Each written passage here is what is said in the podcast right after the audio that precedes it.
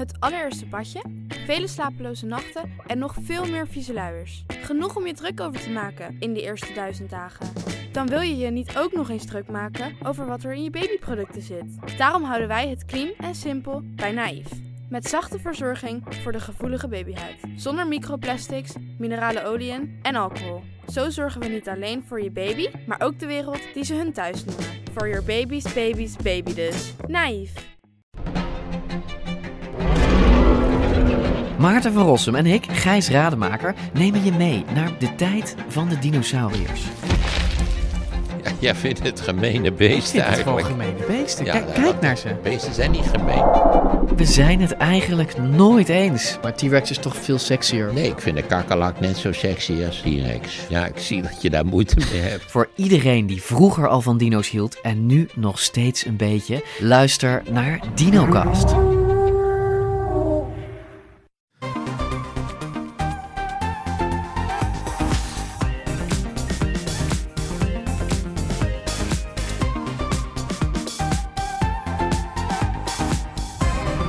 Welkom bij de Bright Podcast van donderdag 24 maart met de trending topics in tech van deze week. Ik ben Harm en aangeschoven hier zijn Floris Yo. en Tony. Hey. Vandaag gaan we het hebben over drones in Oekraïne en iets luchtiger Formule 1, Apple TV en Facebook. We gaan beginnen. Ja, overal waar je kijkt op het nieuws gaat het toch over eh, de Russische inval in Oekraïne, de oorlog daar. Ehm, nou, en kort nadat eh, die oorlog losbrak, was er hier in Nederland een, een eh, hulpactie genaamd Eyes on Ukraine. Het doel is van, van die actie is om geld in te zamelen om drones te geven aan Oekraïners. Ja, en die kunnen vervolgens die drones gebruiken om te laten zien wat daar gebeurt. En daar gaan we het in deze uitzending uitgebreid over hebben. Ehm, Tony, jij hebt een interview gehad. Eh, laten we eerst even beginnen met deze actie Eyes on Ukraine. Want ze hebben dus allemaal drones eh, ingezameld. Maar hoe komen ze dan aan die drones? Ja, eh, donaties. eh, ze hebben ongeveer 100.000 euro opgehaald. En dat was voldoende om eh, 188 drones met wat extra benodigdheden, powerbank en SD-kaartjes Ah ja, ja. te kopen. En die hebben ze vervolgens, zijn ze die gaan afleveren echt in Oekraïne zelf. Ja. En het ging om DJI Mini 2's. Nou, dat zijn best wel kleine, lichte drones. Ja, die zijn heel Eh, licht, hè? Ja, iets van eh, 250 gram. Ja. Ehm, ja, daar kan je heel, trouwens heel goed mee filmen, ook vrij hoog mee vliegen. Mhm. Dus best wel geschikt om beelden vast te leggen, eh, oorlogsmisdaden te filmen Ja. met die drones, want dat is de bedoeling. Het is niet de bedoeling dat die drones worden gebruikt om iets aan te hangen, explosieven of granaten. Nee, Dat heeft ook helemaal geen zin met die kleine drones. Nee, Nee, nee. dit is echt omdat gewoon eh, eh, omdat er zoveel desinformatie is dat je gewoon zegt van oké, je, wil, je wil dat onafhankelijke journalisten eyes in the sky hebben en eh, gewoon beelden maken, beelden Ja. maken. Ik heb een aantal van die beelden gezien van die drones en eh, die had ik liever niet willen zien. Maar Ja, wel goed dat het, ja, een heel, heel- ja, li- lijken van burgers en ja, op straten en in bosjes eh, gefilmd door die drones. Dus ze- ze worden al voor die doeleinden gebruikt waar ze voor bedoeld zijn. Ja. Hey, wie, wie heb je gesproken? Eh, ja, Farid Bekirov. Ehm, die woont al heel lang in Nederland, maar praat met een Oost-Europees accent. Ja. Eh, ik geloof dat zijn moeder Oekraïens is. Hij werkt ook voor de Ukrainian Airlines. Oh. Eh, al die vliegtuigen staan aan de grond buiten Oekraïne. En de andere man is Winfried Rijzenbeek. Dat is zeg maar de technische man van het project. Hij is zelf niet afgereisd naar de Oekraïne, Farid wel. Mhm. Maar Winfried houdt zich bezig met alle zaken rond software en beveiliging. Heel bijzonder gesprek. Laten we even luisteren. Farid, om eh, met jou eh, te beginnen. Ehm, ja, wie ben je en eh, wat is jouw rol binnen het project Eyes on Ukraine? Ik ben een van de deelnemers van het project. En dat is door ons opgestart. Door een vriendengroep. twee dagen na uitbraak van de oorlog. Zaterdag hadden we elkaar gebeld. Zondag hadden we met elkaar afgesproken, met vier van ons. En tijdens het gesprek op zondag kwamen we tot het idee dat wij ehm, oorlogsmisdaden moeten documenteren. Alles wat alle, op alle fronten gebeurt tijdens de, de militaire acties van Russen. En eh, nou, op zo'n manier is het project ontstaan om eh, mensen te helpen ehm, in meer veiligheid te filmen wat allemaal gaande is. Ja, want er wordt wel gefilmd met smartphones. Die video's hebben we allemaal gezien. Maar ja, dat is levensgevaarlijk om daar de straat op te gaan om iets te filmen. Ja, en eh, we hadden ook gezien de eerste paar dagen dat uh, mensen die uh, filmden, die waren gewoon echt aangevallen of doodgeschoten. Dus die project van de drones was eigenlijk, als het ware, hangend in de lucht. Ja, Winfried, ja, wat is jouw rol en wie, wie ben jij? ik ben ontwikkelaar van customized drones. Dat zijn hele grote drones waar ofwel mensen in kunnen zitten of uh, in de landbouw uh, spuitdrones uh, met bij voorkeur biologische spuitmiddelen. Maar daarnaast voor deze actie heb ik gedacht van nou, we moeten hier de goede drones vinden die door de Russen niet makkelijk gespot kunnen worden enzovoort. En ik ben dus in het project een soort technisch adviseur en ik zoek dingen uit om ervoor te zorgen dat we de dingen die we doen, dat die allemaal volledig zijn. Dat de, de micro-USB-kaartjes erbij zitten en de hele rattenplan. Uh, eerst nog even, uh, Farid, over die, de reis naar Oekraïne. jullie stapten in een busje. Met z'n tweeën, geloof ik, met 188 drones. en dan sta je bij de grens. En wat gebeurt er dan? daar gebeuren een aantal interessante dingen. Ten eerste. Um, wij stonden bij de Poolse grens voor negen uur. Wij hadden wel papieren, maar niet blijkbaar voldoende. Um, nou, toen kwamen we door de Poolse grens. Toen waren we door Oekraïners ook ondervraagd. Wat is het voor een lading en waarvoor is het bedoeld? Ze waren niet zo van, ja jongens, kom maar binnen. Jullie komen met een donatie. Nou, het probleem was echt dat uh, de, dezelfde dag de dag van ons vertrek uit Nederland, uh, er was de nieuwe uh, wet aangekondigd dat welke drone dan ook mag het land in, alleen met de toestemming van het ministerie van Defensie van Oekraïne. En natuurlijk hadden we dat over hoofd gezien en wij hadden geen toestemming. Maar op een gegeven moment, nou, we wisten mensen te overtuigen dat dat van cruciaal belang was om de drones wel de land naar binnen te laten. En op zo'n manier zijn we de grens overgestoken. Maar dat is dus niet echt heel gemakkelijk gegaan. En vervolgens, waar in Oekraïne wilden jullie de drones afleveren? Nou, bij onze contacten, dat is het reisbureau, een zeer succesvol reisbureau uit Kiev en Odessa, die uh, grotendeels van de mensen hadden verhuisd naar het westelijke deel van Oekraïne. Daar hadden ze hele pand afgehuurd gewoon van hun eigen geld, van eigen, door hun eigen bedrijf. Gewoon hele operations zijn nog gerund, maar uh, natuurlijk niet commerciëel, maar om de mensen te helpen met evacuatie, met de bussen, met logistiek, omdat het bedrijf heeft, de reisbureau heeft voldoende bussen in het park met chauffeurs, met, nou, met de hele logistiek, met know-how, et cetera, et cetera. En op zo'n manier, daar hadden we de drones afgeleverd. En grotendeels is al naar journalisten en burgerwacht gegaan de volgende twee dagen. En nou, blijkbaar er is nog steeds enorme vraag aan de drones, omdat mensen gebruiken dat eigenlijk ook voor surveilleren. En om, ja, om in de steden voornamelijk, rond Kiev, ook in de outskirts van Kiev, om echte oorlogsmisdaden vast te leggen.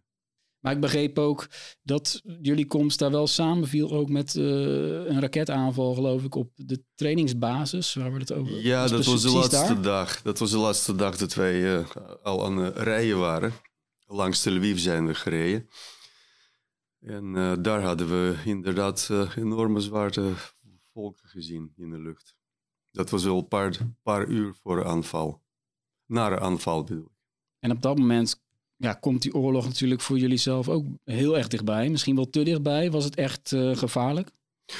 Nee, ik bedoel, kijk, er zijn 42 miljoen mensen in Oekraïne. Dus uh, wat zijn wij? Ja. Van 42 miljoen, percentueel gezien. Kom op. Nee. Dus nee, nee, oorlog- maar je- je- het was niet zo dat je dacht van, waar ben ik mee bezig? Dit is veel te riskant wat ik nu aan het doen ben. Nou, dat is het minste wat je kan doen.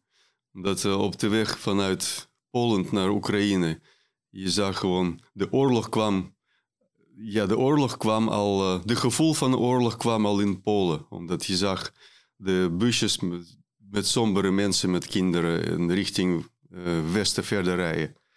En, Ja. ja, dan sta je urenlang te wachten en dan dan mag je naar binnen. Dan Dan ben je natuurlijk wel je- blij dat je überhaupt, dat het is gelukt de- om ze af te leveren. Ja, zeker. Ja. De eerste, eerste rit was, eh, dat had ons enorme voldoening gegeven. Dus de bedoeling is nu om nog meer in te zamelen, eh, om eh, meerdere ritten zelfs te hebben met opnieuw 200, eh, ongeveer 200 drones in de bus en weer gaan. Ja. Als het binnen is, het geld, dan, dan stap je weer in de bus. Ja, onmiddellijk. Ja. Zeg maar, waarom is die vraag zo groot en hoe- hoeveel mensen hebben jullie nu ook die ook hebben gezegd van stuur mij ook zo'n drone als jullie nog een keer komen? Uh, kijk, de reisbureau die zorgt voor distributie. En eh, één ding is zeker, dat eh, met de drones worden geen eh, eh, trouwerijen gefilmd. Dus dat komt eh, in de juiste handen terecht. En eh, dat, komt, dat wordt gedistribueerd aan de frontlines. Dus eh, in de omgeving van Mariupol, Kharkiv, Kherson, eh, Kiev, waar eh, zwaar gevochten is. Het is wel zo dat in de Oekraïne heel veel mensen dit willen. Ja, ja. En eh, dat er ook heel veel mensen zijn die zo'n drone kunnen besturen. Want je kunt je natuurlijk voorstellen van hé, hey, een drone zal wel moeilijk zijn. Nou, deze drone van DJI eh, Mini 2 is echt eh, piece of cake. Ik bedoel, je kunt haast niet eh, verkeerd doen en het is allemaal vrij makkelijk toegankelijk met video manuals en, en dus het gaat heel makkelijk om dit aan te leren. En eh de drone die kan tot 100 meter hoogte vliegen. Met eh, enorm goede beeld. Dus je kan hem eigenlijk ook voor eh, omgeving gebruiken als surveillance camera. Ja. Wat eigenlijk ook ehm, heel, nuttig, heel nuttig kan zijn. Dus eh, wij, zijn, wij zijn goed bezig. En eerlijk gezegd, ik was in het begin wel sceptisch daarover. Omdat ik vond het toch wel een beetje toy-achtige eh, device. Maar eh, toen ik prestatie van de drone gezien had en hoe die in de wind ook zich houdt. En, dus ik heb ja, volledig me- van mijn mening veranderd. Ja, en als je dan zo'n drone, eh, ja, met zo'n drone de lucht ingaat, eh is een vraag die natuurlijk nu wel echt speelt van hoeveel gevaar loop je dan zelf als dronepiloot? Eh, hoe makkelijk ben je door de Russische troepen te traceren en loop je kans om een raket op je afgestuurd te krijgen? Ja, ehm, ik denk dat we daar hebben in het begin vragen over gehad. En dat eh, er was ook een discussie op, eh, op internet, of op Twitter geloof ik, van de aeroscoop. En de aeroscoop is eigenlijk een soort veiligheidsapparaat wat door DJI eh, geleverd wordt aan luchthavens en strategische plekken om ervoor te zorgen dat als daar een DJI drone binnendringt, dat ze kunnen trekken waar dat apparaat opgestegen is, zodat ze de piloot kunnen eh, Ja, vangen of bij wijze van spreken met de politieauto daar naartoe kunnen en hem kunnen arresteren. Heel logisch verhaal, eh, wat eh, ook een, gewoon een goede veiligheidsmaatregel is. Nou, het lijkt erop dat dit ding ook ingezet wordt voor verkeerde doeleinden, namelijk dat ze daarmee proberen deze drones te traceren en dan daarna op de gebruiker van de drone, of de piloot beter gezegd, een raket kunnen afschieten of kunnen beschieten. Nou, eh, daar hebben we aan gedacht en we zijn eh, ten eerste zijn de, in de Oekraïne zelf de mensen zeer eh, handig en ervaren. Ik bedoel, de Oekraïne heeft iets van 29.000 bedrijven waar eh IT'ers rondlopen. En ik, ik hoorde net dat er een miljoen IT... er zijn een miljoen mensen in de IT-sector werkzaam in het land. Heb ik nog even opgezocht. Ja, het is een van de grootste landen op dat vlak, op softwaregebied. Ja, dus het is best interessant. eh, dat gebeurt ook vanuit Nederland, dat, dat ze voortdurend eh, IT-problemen uitbesteden aan Oekraïners. Omdat die nou eenmaal goed opgeleid zijn in deze wiskundige dingen en ook in IT. Nou, dus in de Oekraïne zelf is al lang zijn hacks gemaakt of eh, veranderingen in de drone waarbij die dus niet meer zichtbaar is voor die aeroscoop. Dus dat is één zaak. En de andere is dat wij natuurlijk ook gekeken hebben, zodra we hiervan op de hoogte waren, om te kijken van wat kunnen wij doen voordat we überhaupt de drones het land binnenbrengen. En daar zijn een aantal internationale groepen die dit soort dingen doen en, en ondersteuning geven. Dus wij hebben in Duitsland een groep waar we deze aeroscoop onzichtbaarheid kunnen laten uh, invoeren door, uh, door deze mensen. En die zorgen er dan voor dat die drone dus niet meer zichtbaar is. Dus jullie zouden met, jullie kunnen zelf al een software aanpassing doen Juist. voordat je ze in handen geeft van de Oekraïners. Ja, ja, en dat maakt het denk ik uh, zeer nuttig. En het is ook wel gaaf. Dit is dus ook getest. Hè? Dus die, die, die gasten, daar heb ik contact mee. En die, ik vraag ze natuurlijk helemaal het, uh, het hemd van het lijf. En ik wil zeker weten dat dit goed zit en dat goed zit. Maar ze hebben dus gewoon deze, uh, met een aeroscoop hebben ze het ook getest. Dus zij weten nu dat hun hek uh, veilig is en goed werkt.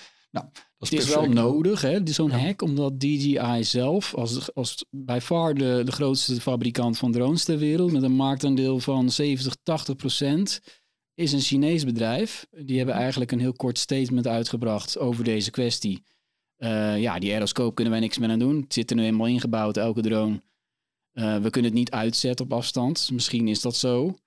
Uh, maar ja, jullie hebben gelukkig zelf iets verzonnen om er onderuit te komen, toch? Ja, nou heel simpel, dat kunnen ze wel. Want uh, de aeroscoop, je kunt ook uitzonderingen aanvragen. Dus daar zijn allemaal trucken voor. En dat is wel een hele procedure die je dan moet opstarten met DJI. Dat, dat je dus ook kunt aantonen dat jij wel op die luchthaven mag vliegen omdat je iets bepaalds moet meten. Dus er zijn allerlei manieren om dat wel te doen. Dus wat een interessantere is, is van ja, als je het hebt over die gigantische hoeveelheden drones die in het Westen verkocht worden. Ja, als piloten die die drones nu gebruiken en er helemaal verzot op zijn. Want er zijn gewoon DJI pilots, uh, website uh, waar iedereen uh, ja, zo'n verhaal vertelt over hoe prettig dat ding is en ja, ervaringen nee, uitwisselen. wij hebben zelf elk jaar testen we de nieuwe DJI drone. Ik zelf niet, collega's, maar ja, er komen veel reacties op. Ja. ja. dus je kunt je voorstellen op het moment dat mensen zeggen van ja, wacht eens even, dit is uh, te, uh, te veel in uh, de kant van de Russen, dat piloten zo'n zo'n zo'n hele organisatie of zo'n hele bedrijf kunnen gaan boycotten. Dat kan. Ja, belangrijk is natuurlijk als, die, als er een drone ja, is en die filmt uh, iets heftigs wat eigenlijk voor de geschiedenis bewaard moet blijven, want dat is toch het, uh, ja, het doel. Dat die beelden eigenlijk ook natuurlijk zo snel mogelijk van die drone af de wereld in, in komen. Is dat nog een probleem in Oekraïne aan het worden? Dat het internet aan het uitvallen is op sommige plekken?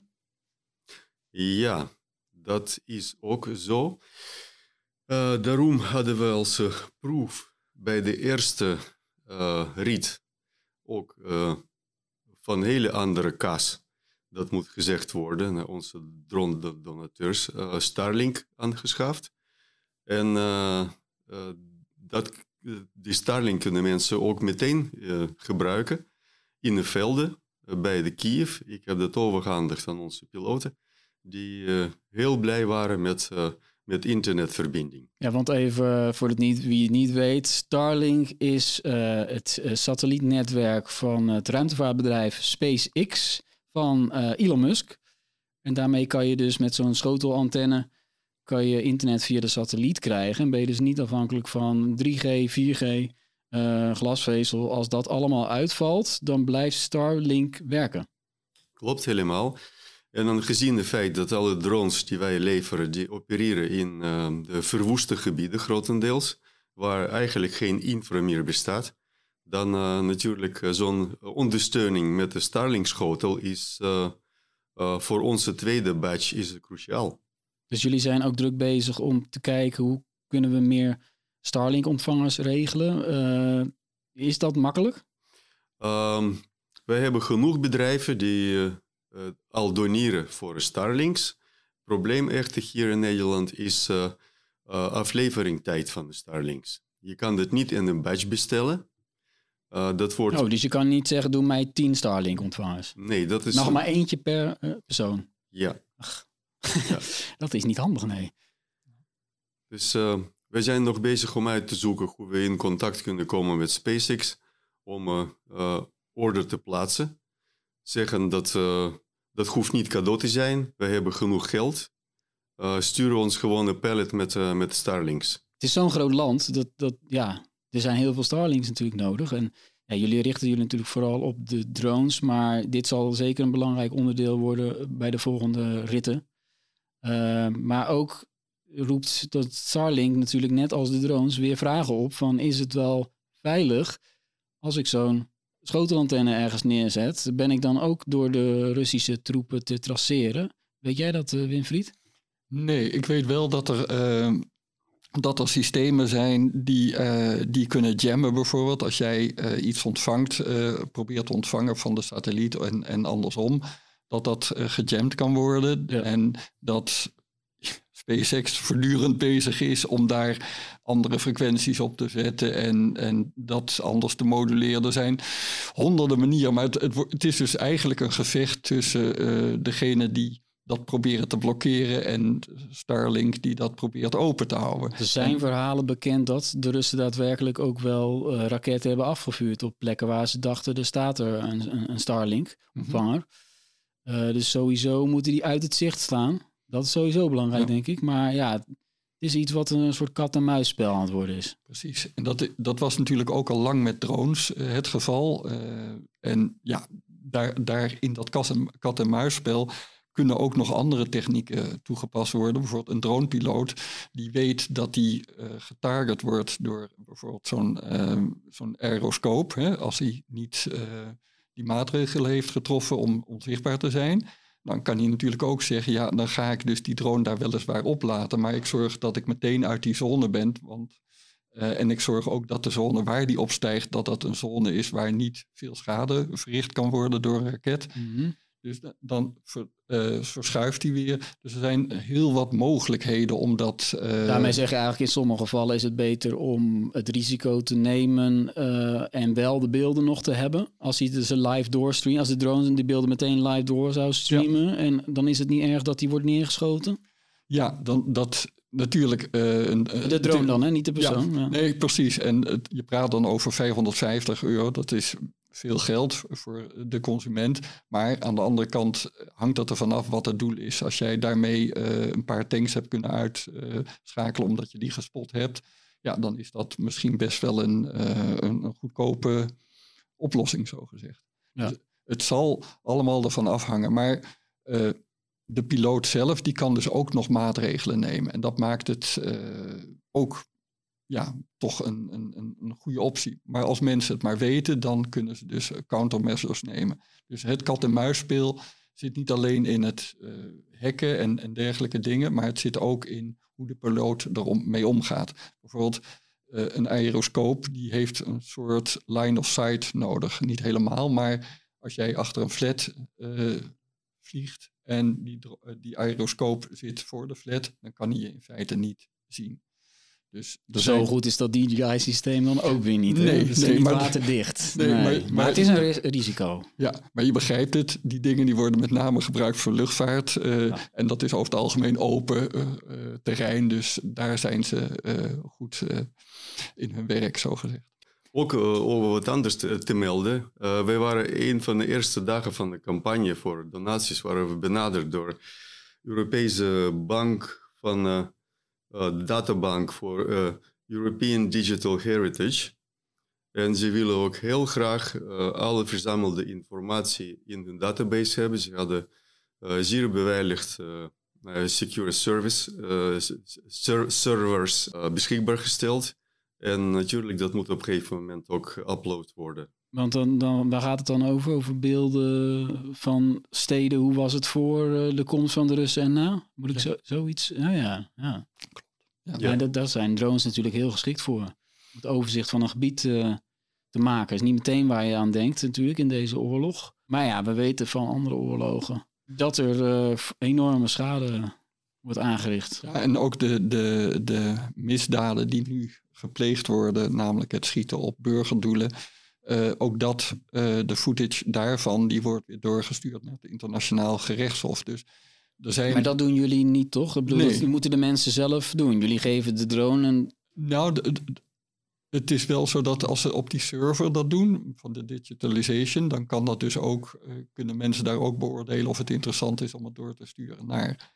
Maar goed, dit zijn allemaal dingen die ehm, zowel meteen kunnen, hè, dus via een, een, een internetverbinding, maar je kunt ook de, kaartjes natuurlijk, de, de videokaartjes of de micro-USB-kaartjes kun je ook bewaren en op een andere manier nog weer heen en weer sturen. Dus er zijn meerdere kanalen mogelijk om dit eh, te doen.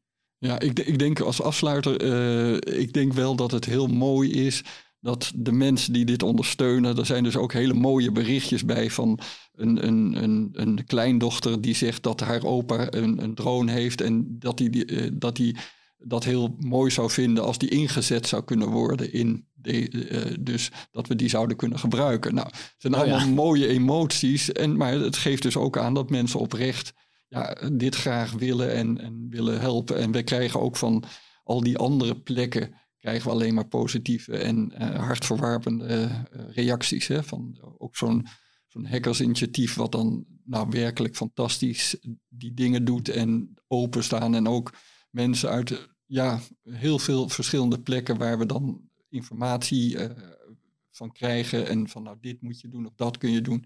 Echt werkelijk fenomenaal. Ja, maar jullie hebben daadwerkelijk een lijst met, met, met gegevens van mensen die eh, hebben gezegd: Ik wil zo'n drone. En jullie weten dat dat met name journalisten zijn. Hoeveel mensen staan op die lijst? Die wachtlijst.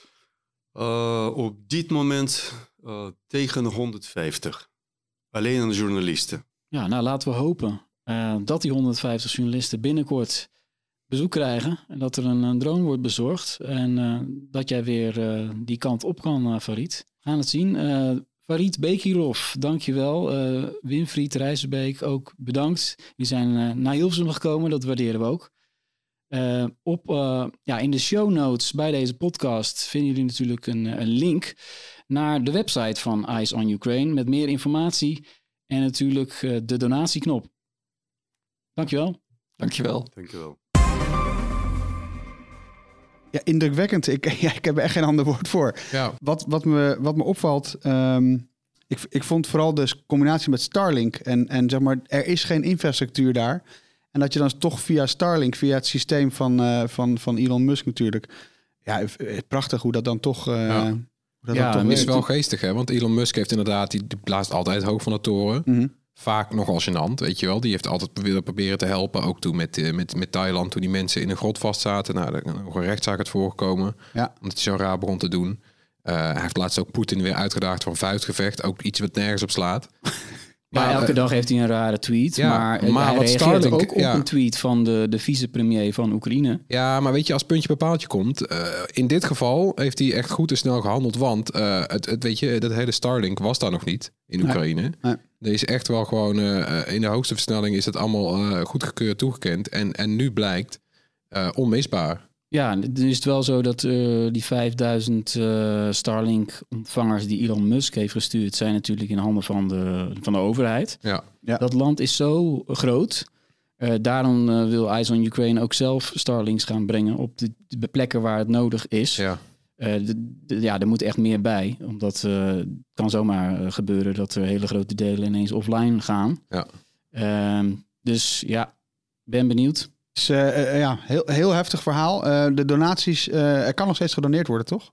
Ja, zeker. Ze hebben nog wel wat nodig om eh, voldoende te hebben ehm, voor de, ja, de, ze noemen het zelf de tweede ronde. Ze zijn echt van plan om elke keer als er genoeg geld binnen is, gewoon weer eh, in de bus te stappen en naar Oekraïne te vind het heel rijden. indrukwekkend dat die Farid ook is helemaal niet zo bang. Hè? Die zegt van, nou ja, procentueel gezien... weet je, ben ik, ben ik maar een klein doelwit. Ja. Maar ja je, je, doet toch, ja, je doet toch iets wat, wat een hoop kwaad kan doen. Ja, en, en hij is eh, afgereisd samen met eh, een andere Nederlander, eh, Bas Kunning. En ja, die heeft vooraf wel tegen zijn dochter gezegd van ja, het kan ook misgaan. Maar hij is toch gegaan. Dus Ja. ik vind het knap. Ja, knap dat dit soort initiatieven bestaan. Ja, heel goed. Ja, even iets heel anders. Eh, het hoorspel. Ehm, we laten natuurlijk iedere week een techgeluid horen. En nou, eerst maar even naar het eh, geluid van vorige aflevering. Hebben we, hebben we een winnaar? Nee, wist niemand te raden. En dan weten we, het is tijd voor een hint. Ja. En die hint eh, luidt, het, dit is het geluid van wraak. Hè? Mo- Het is wel een van de mooiste hints die we tot nu toe bij het hoorspel hebben gehad. Mooi hè? Ik ken het geluid niet. Als in, Nee, mooi, ik normaal gesproken Nee. bespreken we het, eh, het geluid natuurlijk uitgebreid. en, eh, en dan wordt het... Maar ik, ja, ik heb geen idee. Nou, top. Eh, nog één keer luisteren dan. Het geluid van wraak. Nou, als je ehm, denkt dat je weet wat het is, stuur dan je antwoord naar podcast.bright.nl. Onder de mensen die het juiste antwoord insturen, verloten we een fijne Bluetooth speaker voor onderweg. Dat is Ja. wat anders dan de t-shirt. Ja, precies. Het wordt wel beter. Hè, Het is de moeite. Tijd voor een rondje kort nieuws. En als ik het toch over rondjes heb, dan heb ik het ook gauw over Formule 1. Ja, echt een hele slechte brug. Ik zie Tony hier. Ik wilde applaudisseren. Ja, dat is mooi. Ehm, veel gedoe dus eh, met eh, Formule 1 dit weekend. Dat eh, kan niemand ontgaan zijn. Even los van het teleurstellende resultaat van Max Verstappen. Maar ehm, voor het eerst moesten Nederlands, Nederlanders kijken op Viaplay. En dat ging niet bepaald vlekkeloos. De beeldkwaliteit was volgens heel veel kijkers niet goed. Er werd verkeerd geschakeld, niet alleen in de auto. Ehm, zodat je onbedoeld een kijkje achter de schermen kreeg. En ook, ehm, ja, ook het commentaar van Viaplay. Daar waren mensen niet echt eh, voor te porren. Voor het eerst in decennia horen mensen eh, niet meer Olaf Mol terwijl ze kijken. Eh, ja, en sommige mensen vinden dat niet heel leuk. Ehm, toch is Viaplay zelf wel tevreden. Ze spreken van de succesvolste lancering in een nieuw land. Ja, Wat maar opvallend daar dachten een hoop eh, Formule 1-fans anders over. Het zegt misschien ook iets over de lancering in de andere tien landen. nee, dat is flauw, hè? Nee, niet. Nou ja, niet kijk, ze hebben, dus, ze hebben dus die Viaplay-dienst al in heel Scandinavië, de Baltische Staten, Polen en nog een paar landen. Ja, Eh, maar de Nederlandse lancering is wel voor dat bedrijf de aller, allergrootste eh, tot nu toe eh, in, in kijkersaantallen. En Ja. waarschijnlijk abonnees ook, maar die gaan ze Ja. ons niet geven, die abonnee-aantallen. Nee. Ja, dat is, wordt, is, wordt wel de crux. Als je zoveel kritiek krijgt eh, en, en het wordt niet beter, dan zeggen mensen hun abonnement meteen natuurlijk weer op. Ja. Dat weten we. En Ja. ja. dan heb je echt een groot probleem. Want ze hebben iets van 30 eh, miljoen euro voor die eh, rechten voor, Voor drie rechten, jaar ja. voor de Formule, Formule Ja. 1 in Nederland betaald. Nou, dan moet je aardig wat abonnees hebben. ja. En, en een dingetje waar veel mensen dus over, over struikelen is dus het commentaar van Olaf Mol. Mocht je dat dan toch graag willen, dan zijn er natuurlijk alternatieven. Grand Prix Radio. Of radio, ligt even aan. Moet ik het Engels zeggen? Ik zeg gewoon Denk Prix ja. Radio. Nee, Ja. Grand Prix Radio. Nee? Ehm, eh, ze hebben een app waarmee je het geluid synchroon kan zetten met de uitzending op tv. Dus dan zit je te kijken en op het moment dat Max Verstappen de bocht uitvliegt, dan hoor je Olaf Mol zich helemaal kapot schrikken. Nou, dat is misschien best wel leuk. Dat wilden zoveel mensen dat de servers van Grand Prix Radio het niet hielden. Ehm, wat wel goed nieuws is, is dat Mol eh, ons heeft verteld eh, dat hij vol vertrouwen is dat de stream bij de komende wedstrijden wel goed zal verlopen. Nou, dan heeft hij nog een paar dagen voor. Ja, dat, dit dat zei hij vooraf trouwens ook al. Ja, Eh, maar ik heb ook wel contact gehad met de hoofdredacteur. Ik heb contact gehad met Mol en de hoofdredacteur van eh, Grand Prix Radio, als ik het dan maar even Oh, ja? zeg. Ja, het klinkt gewoon lekker. ja. Grand Prix. Eh, en die, ja, die, die waren toch misschien wel een klein beetje verrast door de hoeveelheid mensen. Wilde ook niet zeggen hoeveel het er waren, maar Nee. tienduizenden. ja. En eh, tijdens, echt zeg maar, tijdens de race kwamen ze nog met een noodoplossing. Dus ik heb het wel kunnen proberen, dat synchroniseren van die audio. Ik heb het in, in de laatste stukje, toen werd het ook echt leuk Ja. van de race. Eh, we hebben dat geprobeerd. En dan zit je dus met een knopje. En dan kan je elke keer, als je tikt, gaat hij een halve seconde naar voren of naar achter. Ja. En nou, dan, nou ja, dat kost even een halve minuut. Maar dan heb je hem ook wel ongeveer staan. Want je hoort iets, dat iets gebeurt. En oh ja. Ah, je moet het wel zelf doen. Je moet handmatig moet je hem Ah, voor en achteruit. Als het eenmaal Ah. goed staat, werkt het. Ja, misschien Ja. niet helemaal precies. Maar een commentator moet ook eerst wat hij ziet Ja, bewerken voordat hij het kan uitspreken. Ja. Zo erg is dat helemaal niet eigenlijk. Dat het is eigenlijk het is niet zo hinderlijk als, eh, al- als eh, bijvoorbeeld tijdens het kijken van het Nederlands elftal... dat je buren al hebben gehoord dat er gescoord wordt... of gezien hebben dat er gescoord wordt. Dat, Dat- jij ze hoort juichen. Nee, dat kan natuurlijk nog steeds eh, gebeuren. Want ik zat via, via Play te streamen via de mediabox van Ziggo. Ja, Maar je kan het op een andere manier ook op de tv-kanalen aanzetten. Ja. Dat hebben ze namelijk ook besloten. Maar dan had, had ik het af moeten sluiten via Ziggo. Ja, de kabel is, kabel is nog steeds altijd sneller, hè? En dan is het gewoon een uitzending. Ja. Ja. Die, die, die buren die dat hebben, die zijn eerder aan het juichen. Maar er viel niet veel te juichen. Eh, Dus eh, dat valt ook wel mee. Maar in principe zou dit ja, voor de echte fans, het is wel weer grappig, hè? Dus heeft zo'n Olaf Mol, die heeft de audiorechten in handen. En dat had hij vorig jaar ook al, dat wist ik niet. Maar Oh, ja? ja, Hm. dus hij mag dit ook doen. Want niet iedereen mag zomaar de- naar de tv gaan kijken en eh, ik doe een livestream en ik omschrijf wat er gebeurt in Ik de zou race. er wel dat, van jou wel willen dat horen. mag absoluut niet. Oh, nou, ik zou, ik- misschien moeten we gewoon een crowdfunding actie starten. En dan dat, dat, dat jij de rechter kan kopen en dat ook kan doen. Ik weet- zou hiervoor ik weet betalen. niet veel van de Formule 1. Ik vind het wel, eh, ik vind het wel sp- altijd spannend. Het is steeds spannender om daarna Ja. te kijken. Omdat Ja. het gewoon ook in de laatste bocht nog eh, fout kan gaan. Ja, en je begint er nu gewoon meer van te begrijpen, toch? Ik bedoel, tot twee jaar geleden snapte ik er geen fluit van.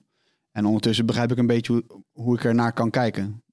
Als in, ik vind de drempel is best wel hoog om gewoon zo'n hele race te volgen. Want Ja, de helft van de tijd gebeurt er geen fluit. En zie je alleen wat er gebeurt op de heb ik plekken met waar alle sporten wordt. inderdaad die niet mainstream zijn. En dit is ook Ja. de hele tijd lang geen mainstream sport. Nee, Ja. precies. Ik, omdat ik zelf Ziggo-klant ben, heb ik al die jaren ernaar kunnen kijken. En ja, Ja, Ja, voor de, voor de massa is het pas geworden voor toen, mij, eh, ja. toen Ja. Max Verstappen begon te winnen natuurlijk. Ja.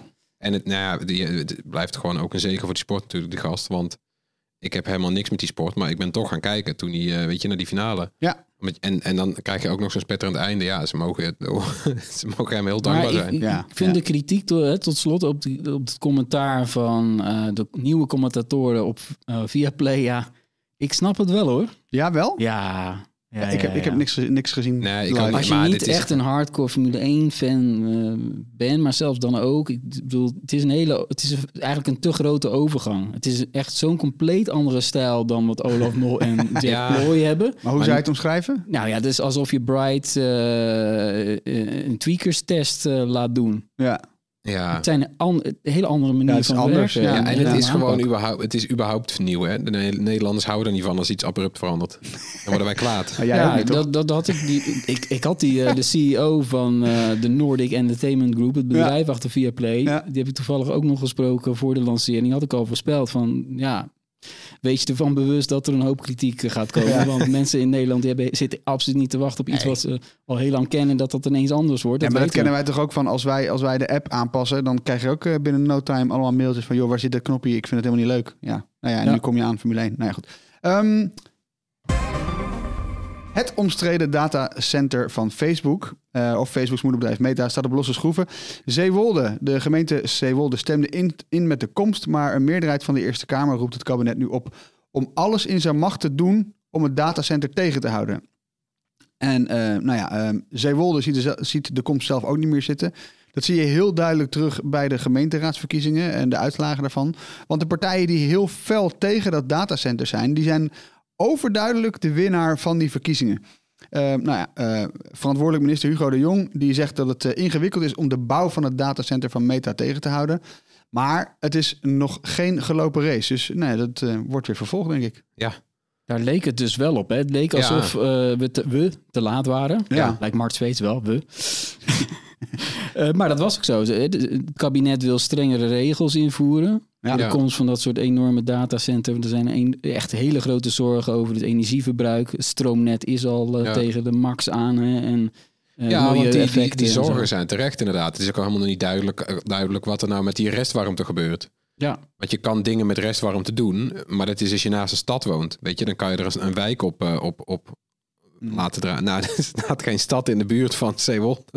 Dus dat, dat, dat, dat gaat ook al niet op. Eh, en, maar ja, inderdaad, je kan nieuwe wetten niet echt met terugwerkende kracht toepassen. Dat is niet eerlijk. Nee. Dus er is hier een deal gemaakt. Alleen de grap is dat die deal eh, deels kennelijk op land eh, plaatsvindt die in handen van het Rijk is. Ja, dat is, En dat is het. Daar gaat dan dus weer het kabinet over. En daar valt dus misschien nog iets te regelen. Ja. Maar ja, het, het, zou, het zou ook te gek voor woorden zijn als er nu nog doorheen gedrukt wordt. Als duidelijk is dat eigenlijk eh, iedereen en zijn moeder tegen is. Nu- Maar uiteindelijk gaat het wel geld kosten, want Facebook heeft al eh, grond in handen. En ze hebben natuurlijk gewoon een deal met die gemeente. Dus ehm, het gaat hoe dan ook een staartje opleveren in positief of negatieve zin. Ja. Ja, het verbaast me ook wel een beetje dat je ziet van ja, lijkt lokale politiek en, en zo te zijn, maar en daarna wordt het landelijke politiek. Ja. Volkomen terecht in Nederland. Ja. Maar geloof me, zelfs tot in Amerika is er over Zeewolde geschreven. Ja, ja, ja. Dat is Ja. leuk, hè? Deze Ja. week ook weer. Bij elke Maar nieuwe ontwikkeling. Ja, Dit is leuk toch? Maar je weet gewoon, dat is ook leuk. Dat gewoon Mark Zuckerberg met samengeknepen billen naar de, Ja. Zo- de verkiezingsuitslagen ja, zit te maar kijken. Zuckerberg die ziet CMG, leesbaar, leesbaar Zeewolde en Ja. de ChristenUnie. Dat gaat mis. Ja, Nou kan ik de metaverse plannen niet meer doorvoeren. Belt Ik krijg het datacenter niet. Belt even met Nick Clegg? Of... ja. hoe zit het nou, joh? Nee. Eh, grote spanning door wat er gebeurt in Zeewolde.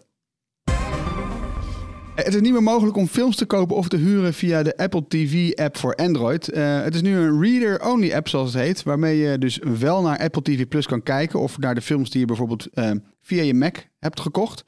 De reden is eh, wel wat frappant, want Google heeft zijn voorwaarden gewijzigd, waardoor apples zoals die van Apple TV voortaan 30% commissie moeten afdragen aan Google. En ja, daar heeft uitgerekend Apple geen zin in. Dat is toch een beetje, Ja, nou ja, pot, ketel, ja. hypocriet. Zeg maar. ja, dit is gek. Ik vind dit raar. Ik, de, eh, ja. Dit is, dit is raar. Ze verwachten van alle, alle, alle deelnemers in hun eigen App Store dat die die 30% betalen omdat ze zo'n eh, waardevolle dienst leveren. Ja. Kennelijk, eh, kennelijk kunnen ze het missen of zo. Ja, ik Ja. weet het ook niet precies. Het is, het is, ja, het is eh, hoe je het ook went of keert een beetje raar. Maar dan zullen ze toch bij Google ook wel, ook wel moeten gniffelen, toch? Dat, dat zien ze dit gebeuren, dan ja, Ja, geef je toch eigenlijk gewoon je fout toe. Ja. Ja. ik vraag me ook af hoeveel gebruikers heeft de Apple TV-app op eh, Android TV. Precies. Dat, is- Nou, dat is ook al een mooie om over nou, na te denken. ja. maar ik ken genoeg... eh, nee, het is dus de Apple TV app op Android, ja. Ja, Ja, nou ja, ik ken genoeg mensen die een Mac hebben, eh, maar een Android-telefoon. Oh, en, en dus bijvoorbeeld ook een Apple TV als, als, als streamingkastje. Ja. En dan wel een Android-telefoon. Want, want nou ja, weet je, als je toch onderweg bent en je hebt toch een abonnement op Apple TV, dan kijk je even. Zullen we dit nog gaan terugzien in, in de rechtszaken? mm, Nee. En als, als in, eh, ik kan me best voorstellen dat het aangevoerd wordt als argument van... joh, kennelijk vindt Apple Ja. het zelf ook onzin. Want als je het hebt over bij Google waar precies hetzelfde gebeurt... Nou. zegt Apple zelf in één keer, nou, eh, dat gaan we niet doen. Ik zou het leuk vinden. zoals je het nu zegt, denk ik van wel. Ter afsluiting uiteraard een eh, zooi met fijne tips. Alle links uiteraard in de show notes. Die vind je onder meer op bright.nl. En Tony, we trappen hem af bij jou. Ja, ik eh, blijf bij het thema Oekraïne. Ja. Ehm, dat is een internetproject waar eigenlijk iedereen eh, aan mee kan werken. Dat doen inmiddels ook al honderden mensen. Dat heet Suchuko. Hoe Mhm. spreek je dat uit? Dat is een afkorting. Saving Ukrainian Cultural Heritage Online. En daarmee ehm, worden inmiddels al 2.500 websites van musea, archieven, allerlei cultuurinstellingen, eh, van kloosters tot eh, archief, Ja. de sites, alles wordt gearchiveerd. Op afstand eh, worden backups gedraaid, Wat in goed. kaart gebracht. eh, om ervoor te zorgen dat ja, die servers die kunnen zomaar op elk moment offline gaan door die oorlog. Ja. Wij denken altijd maar, ja, het staat ergens in de cloud. Het zal wel ergens in, in het buitenland staan. Nee, dat Ja. is niet zo. Niet alle musea hebben in Oekraïne eh, alles gebackupt. En dat bleek ook wel, want eh, ik heb toevallig een van de vrijwilligers gesproken. En die, eh, die klikte tien links aan. Die waren de, de dag ervoor doorgegeven van deze gaan we dan archiveren. Helemaal aan het begin van het project was dat. Mhm. En er waren er al twee van helemaal offline. Ja. En een aantal hadden malware uit Rusland gekregen. En dat soort verhalen zijn er wel. Dus, en ja, voor de mensen die mee willen werken, eh, meld je aan. eh sucho.org. Dan kom je in een soort Slack eh, chatprogramma terecht. Mhm. En dan, ja, dan zijn er heel veel verschillende taken. Eh, je moet je zo voorstellen dat er zijn genoeg techneuten die geautomatiseerd allerlei websites helemaal kunnen opslaan. Ja. Wat voor techniek die website ook gebruiken. En dan gaat het HUB, het Internet Archive in. Dat is een Amerikaanse instelling. Ja. Die alles eh, gratis eigenlijk eh, aanbiedt.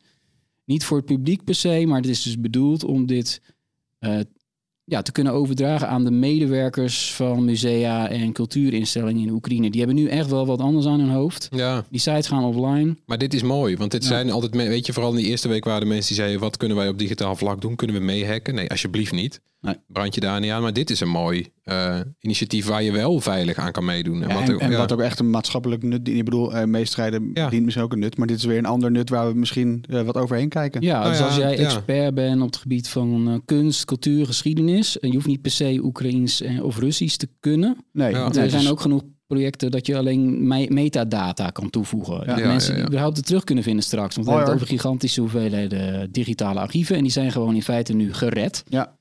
Voor Ja. als het misgaat, voor de zekerheid. Heel mooi. suco.org. S-U-C-H-O.org. Floris. Ja, mijn tip is een eh, tv-serie, een hele oude tv-serie, Band of Brothers. Oeh. Eh, nu eindelijk weer eh, legaal te bekijken in Nederland op HBO Max. oh ja. Ja, weet je, het- die, die, die dienst staat vol met gloednieuwe series, maar ik ga dan toch weer dit kijken. Ook heb ik het een paar keer gezien al. Ja. Het is zo'n ontzettend goede serie. En nu ook weer toepasbaar omdat het oorlog is. Eh, voor wie het niet weet, is een serie over eh, eh, de Amerikaanse ingrijpen. ja, een beetje D-Day en alles wat daarop volgt. Ja. Dus de Tweede Wereldoorlog. Ja. Momenten waarop de Amerikanen zich echt zijn gaan bemoeien. Ja, het schitterende serie. Prachtig. Gigantische productie ook. hè? Ja, enorme productie. Volgens mij was het destijds de grootste tv-serie ooit. Steven Spielberg Ja, en Tom Hanks Spielberg, als uitvoerend producenten. Echt fantastisch. Ja, je volgt gewoon, je volgt die jonge jongens. En ik heb die serie een paar keer bekeken eh, toen die eerst uitkwam. Toen was ik eh, eh, jonger dan die gasten, dus dan zijn het mannen. Ja. Nu ben ik tien jaar ouder dan die gasten. En denk ik, kijk nou, die jochies. Weet je, van die jochies Grappig, moeten, op, ja. ja. die moeten op de boot. Die moeten de meest vreselijke dingen op een ander continent gaan doen. Die vechten voor vrijheid. En zoiets gebeurt nu weer. Terwijl als je naar die serie kijkt, denk je... Hierom zeggen we dus nooit weer. Ja. Al, al mijn hele leven lang hoor je elke, elke bevrijdingsdag hoor je dit nooit weer. Ja. En in deze serie zie je heel mooi waarom je dat zou zeggen, dit nooit weer. En gek genoeg is het nou toch weer aan het beginnen. Ja. Dus kijk die serie en ja, Is gebaseerd ook op een in. echt verhaal, geloof ik. is gebaseerd ik op een echt verhaal, Op mijn ja. Facebook-feed deze week toevallig. eh, ik ben... ehm, ik heb, ik heb een aantal pagina's geliked. Die posten alleen maar historische foto's. Ja, mooi. En er stond dus een foto van een van die echte Band of Brothers. Want Ja. herinner ik me een paar dagen terug, zag ik het. Ja. Oh ja, dat, dat is wel ja echt want het is, eh, het is echt gebeurd. Sterker nog, je krijgt ook de, de, de echte eh, gasten te zien. Dus de echte leden van die Band of Brothers, die zitten ook, eh, weet je, bejaarde mannen, die zitten en die, die doen een zegje. Maar er staat tot de laatste aflevering geen naam bij. Nee. Zodat je niet weet wie, wie er overleeft eigenlijk. Heel cru. Maar dat maakt het nog, nog aangrijpender. Ja. Op een gegeven moment krijg je wel in de gaten, oh, dat is, dat is echt wel die. Hele goede tip dit hoor. Dat ja, zijn, heel mooi. Vijf seizoenen of zoiets. Nee, is één seizoen. Eén seizoen maar. Ja. Ja, Ik, had ze, ik, heb ze, ik heb ze nog op DVD liggen. Dus mocht iemand dat eh, nog graag willen hebben en geen eh, Netflix, of eh, sorry, geen, eh, geen HBO Max hebben. Ja. Band of. Brothers. Ehm, mijn tip, mijn eigen video over de, eh, waar de zelfrijdende auto toch blijft. Ja, ik ga toch een video van mezelf pluggen.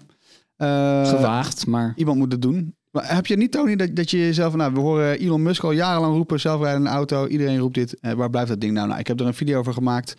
We hebben eh, rondgereden in een Waymo eh, van eh, Google, zelfrijdende auto. We hebben rondgereden in Tesla, we hebben rondgereden in Mercedes. We hebben, en we hebben een hele goede hoogleraar die precies uitlegt waar dat ding eh dan blijft. heb jij zelf in een Waymo-auto van Google dochterbedrijf? Heel dat dan, hè? pijnlijk dat je deze, ja, Google dochterbedrijf Waymo, heel pijnlijk dat je de vraag stelt. Ik zelf niet, want we zouden naar CES gaan, zoals je misschien nog kunt herinneren. Maar dat ging niet door. Althans, Nee, die, wij gingen niet. CES, de techbeurs, die ligt, dat is in Las Vegas. Ja, En Waymo die rijden rond in ehm, Phoenix. ja, Phoenix, Arizona, ongeveer Dus vijf uur verderop rijden. Ik dacht een leuk roadtripje, had ik gepland met eh, Erik Bouwman, onze lieve collega. ja. Uiteindelijk Oh. hebben we, Oh. ehm, ja, uiteindelijk hebben we onze Amerika-correspondent er toch heen gestuurd om dat alsnog te doen. Nou ja, het is een leuke video, vind ik zelf. Maar ja, dat is een beetje praten over mijn eigen video. is een beetje gek misschien. Ja, ik- het interessante is dat sommige van die Amerikaanse steden daar, die zijn eigenlijk wel goed ingericht op de zelfrijdende auto. Ja. Daar kunnen ze wel prima mee omgaan. Precies. Maar of het allemaal hier in Amsterdam in de binnenstad goed gaat, eh, bij dat dat spreken, dat weet ik niet hoor. Dat is de crux.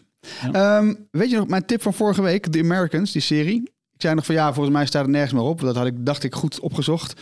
Maar nou blijkt het dus toch op Disney Plus te zijn. Daar werd ik eh, heel stilletjes zo op, ge- op gewezen via Twitter door onze collega Koen de Recht. En die had tegelijkertijd de tip dat ik had kunnen weten als ik de tip Just Watch zou hebben gehad. Ken je hem? Ja, dat is ook zo'n site waar je kan zien eh, op welke dienst staat het. Ja. Ja, die heb ik ook wel eens eh, Dat is best wel leuk, want Ja. eh, inderdaad, je kunt zien waar een serie of film kunt bekijken. Je kunt ook zien wat voor cijfer zo'n serie heeft gehaald, of film heeft gehaald, IMDb en, en hun eigen cijfersysteem. Maar je kunt ook aanvinken welke diensten jij zelf hebt. En dan kun je in een soort van tijd, hoe noem je dat? Een, eh, een tijdlijn zien welke series er bijvoorbeeld deze week zijn uitgekomen op de diensten die jij thuis hebt. Dus ik ga nu naar dat tapje Ja, ja. wat er nieuw is uitgekomen. En dan zie ik zo, oh nou, deze week is er dit nieuw op HBO en dit nieuw op eh, Disney+. Plus. Weet ik meteen wat ik kan kijken. Superleuk. Ik vind dat ook wel mooi. eh, dat ik betrap me er wel op dat er, ik iets niet ga kijken als het onder de 7 eh, rating Ja. heeft op eh, IMDb. Misschien dat sommige luisteraars dat, zich daar ook in herkennen. Ah. Ja, en dat eh, terug bij Viaplay. Viaplay die biedt dat dus gewoon aan. Je gaat met je muis op een thumbnail staan Ja. op de homepage. ja. Eh, en dan zie je dus meteen al welke van, ook van hun eigen series, Ja. eh, een, een hoge of een lage rating hebben. Want zij zetten overal netjes dat getalletje van IMDb al bij. Ja. Wat een service. Ja. Maar daardoor sla je heel veel over, omdat het niet hoog genoeg scoort. Ik vind het wel snobistisch hoor. Dat je dan gewoon. Nee, nee, onder 7, daar haal ik mijn, Nee. haal ik mijn neus niet voor op. Maar goede tip, thanks Koen. Ehm, bij deze, iedereen moet die tip, die, die app maar even checken. is Android en iOS, dus een gratis appie.